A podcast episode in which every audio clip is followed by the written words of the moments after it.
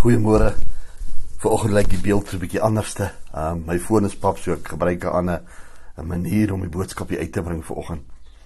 Ek praat graag vir ons met oor ou Jona.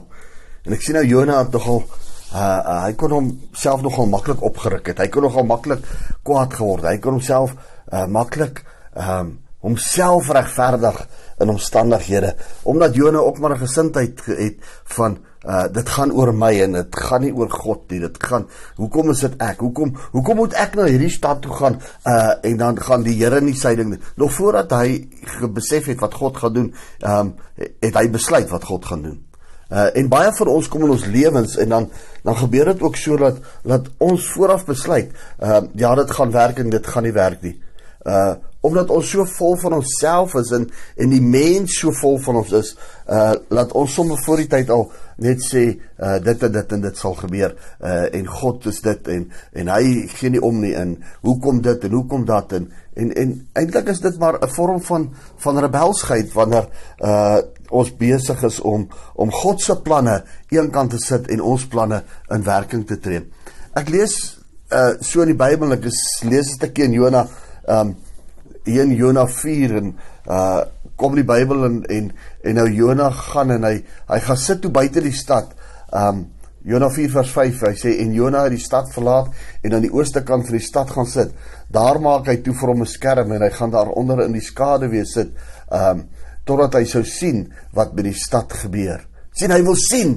Hy het homself voorgeneem dat 'n sekere ding kan gebeur. En nou wil hy gaan daar gaan sit en gaan kyk uh wat gaan nou gebeur? Want hy het be, be, by, by homself gesê dit is wat gaan gebeur en baie keer kom ek en u en ons besluit ons oor 'n ding wat in ons lewe gaan gebeur maar nou kom vers 6 hy sê toe beskik die Here God 'n wonderboom en laat dit oor Jona opskiet opskiet om te dien as skade weer oor sy hoof dat hy net skermpies gemaak het, nie 'n dak gehad nie. En God kom en hy plant hierdie boom uh uh en laat hom groei.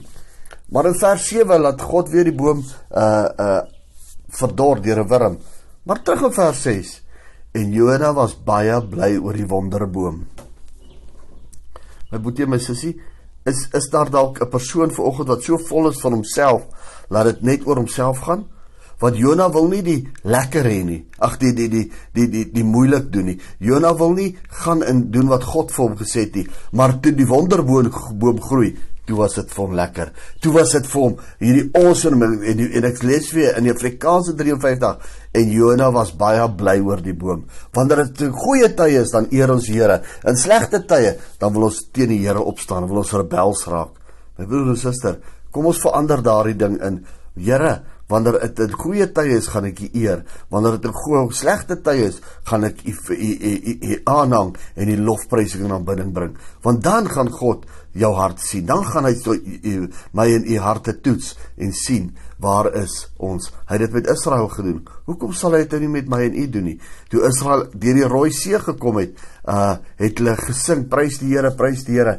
3 dae later kom hulle by 'n put uit met bitter water en toe wil hulle die Here vervloek My broer en suster, die lewe is nie net goeie dinge nie.